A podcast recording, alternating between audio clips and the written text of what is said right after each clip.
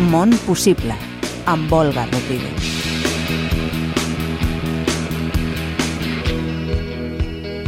Premi Sájarov a la llibertat de consciència del Parlament Europeu a Massa Gina Amini a títol pòstum i el moviment iranià Dona, Vida i Llibertat impulsat arran la mort d'Amini durant una detenció policial per no portar ben posat el vel islàmic. El seu assassinat ha generat tot un moviment popular de protesta al carrer liderat per les dones en defensa dels drets humans i en concret dels drets de les dones a l'Iran. Un moviment que ha rebut suport des de tots els punts del planeta i ara es veu reconegut amb aquest premi europeu.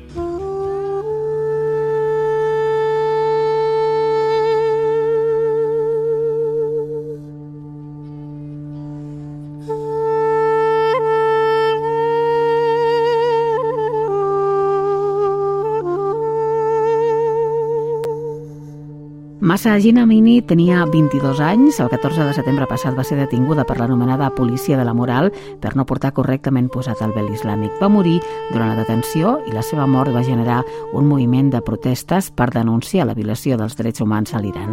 Una revolució liderada per les dones iranianes. Anaita Nasir és una d'aquestes dones iranianes combatives des d'aquí, des de Catalunya. Benvinguda. Hola, bon dia. Anaita Nasir és eh, politòloga i treballa a l'àmbit de la cooperació al desenvolupament.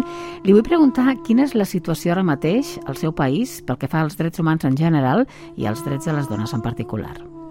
Uh, hi ha una violació sistemàtica de la majoria dels drets humans bàsics universals i en concret per les dones, elles viuen una violència institucional sistemàtica que les infantilitza, que les somet a una tutela masculina permanent, perquè el règim vol mantenir a la meitat de la seva població sota control i repressió. Per la majoria de les dones, especialment joves de les ciutats, és una situació desesperant perquè es troben sense cap sortida professional o laboral i amb una sèrie de restriccions morals que fan minvar les seves llibertats. Què ha suposat el cas de, de la Gina Mini, la seva mort a comissaria i el moviment posterior de protesta per l'assassinat d'aquesta jove? Aquesta ràbia que va aflorar després de la mort de la massa va ser perquè qualsevol dona iraniana es va sentir interpel·lada i va dir em podia haver passat a mi, perquè la massa no era ni una activista ni estava reivindicant els seus drets. Era una noia d'una regió que venia a visitar familiars de Teheran i va morir a mans de la policia de la moral, a mans del règim. Per tant, tota aquesta ràbia ha donat energia a un ressentiment que la majoria de la població sent envers de la, del règim. Per què? Perquè al final hi ha com un constant repressió de la dona que, gràcies a les xarxes socials, també sap el que existeix a fora i ho demana i ho exigeix. I a més, s'ha de tenir en compte que avui en dia el 65% de la gent que es licencia o es gradua a la universitat són dones. És a dir, que el gruix de la població iraniana és jove, és dona i el que reclama és tenir majors eh, quotes de llibertat. Perquè quina és la situació ara mateix de les dones a l'Iran? Què se'ls permet fer i què no?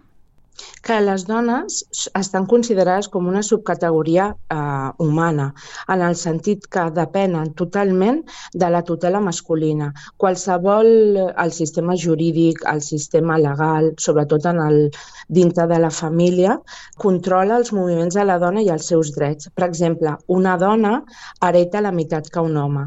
El judici d'una dona, el testimoni d'una dona en un judici val la meitat Avui en dia, l'edat mínima de responsabilitat civil pels homes és de 15, però per les dones és de 9 anys. És a dir, que a partir dels 9 anys una nena pot ser considerada una adulta a l'hora de ser jutjada en, en, per un delicte comès. I a sobretot s'ha de tenir en compte que la dona no pot renovar el seu passaport ni viatjar a l'estranger sense el permís de la seva figura masculina en la seva vida, pare, germà o marit.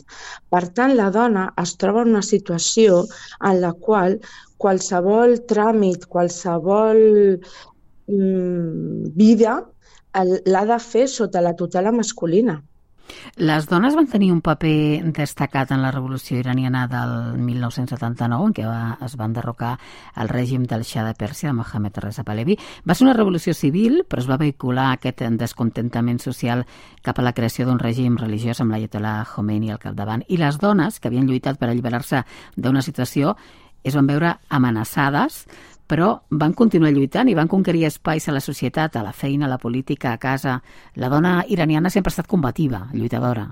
Exacte, la dona iraniana eh, durant la revolució islàmica va secundar la revolució, va donar suport perquè era una situació de descontent envers de com estava deixant el país el Shah tot i que per nosaltres des d'Occident és molt estrany entendre-ho, el vel en aquell moment es va reivindicar com un element de contraposició a una modernitat occidentalitzada imposada pel Shah.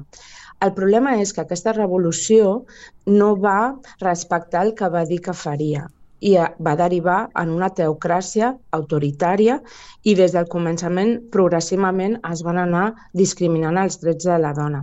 La dona, des de sempre, la dona iraniana des de sempre, ha mantingut la seva resistència i la seva desconformitat envers aquesta discriminació. I com ho ha fet? Ho feia mitjançant lluites anònimes, diàries, incloses en la seva rutina, passejar pel carrer, fer esport, malgrat totes les discriminacions i les lleis en contra d'ella.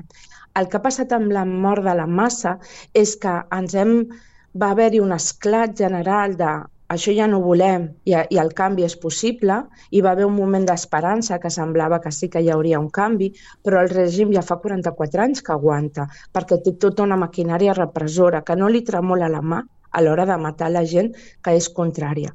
I les dones, des de sempre, han portat endavant aquesta desobediència civil. Ara estan en un altre grau, ara van sense mocador.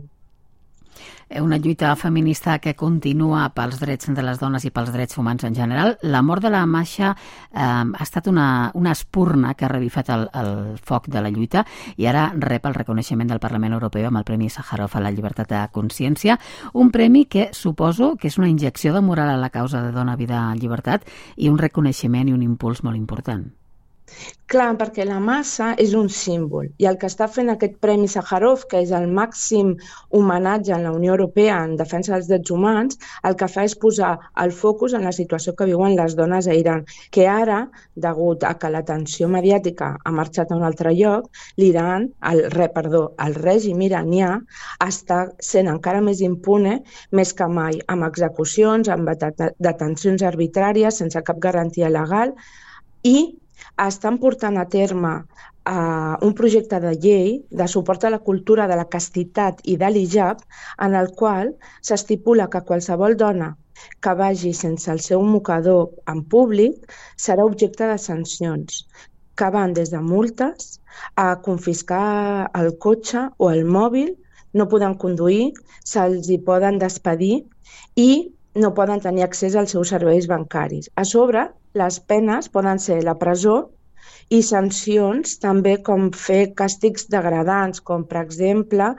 haver d'assistir a teràpies per trastorns de personalitat associat, perquè per ells això vol dir el no portar el mocador, haver de rentar cadàvers, que això en la religió islàmica és un treball eh, molt poc ben valorat o inclús haver de netejar les oficines d'institucions oficials. Per tant, hi ha tota una represàlia nova contra aquesta desobediència civil que estan portant a terme les dones que s'atreveixen a anar sense mocador pel carrer malgrat totes aquestes repressions. També han tancat moltíssims establiments que permetien l'accés a dones sense mocador. O sigui, hi ha una humiliació i repressió de, de les dones elevada a la màxima potència. Ens deia la Naita Nassir, eh, ara els focus mediàtics estan posats en un altre lloc, és veritat, ara està posat a, a Palestina, perquè el que està passant allà és molt greu i molt preocupant. Hem desviat l'atenció informativa del seu país i està passant tot això que ens està explicant mentre no mirem. Continuen també les protestes.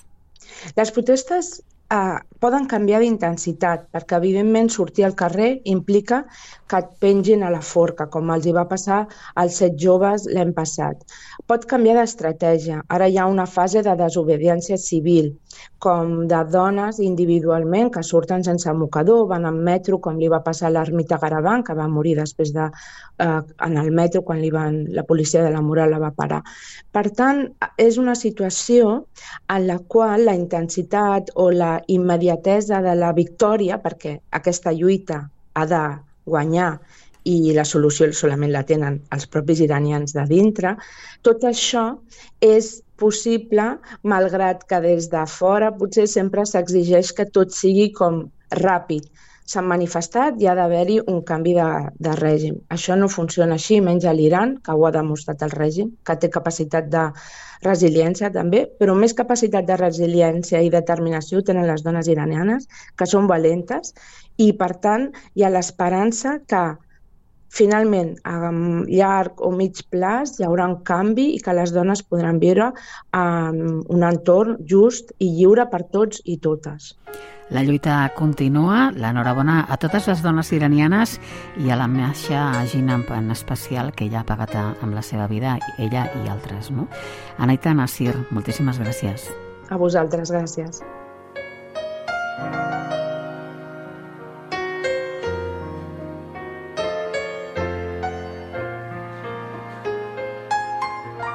Amb la voluntat i el compromís de construir un altre món possible, us esperem aquí, a Ràdio 4 i rtv.cat.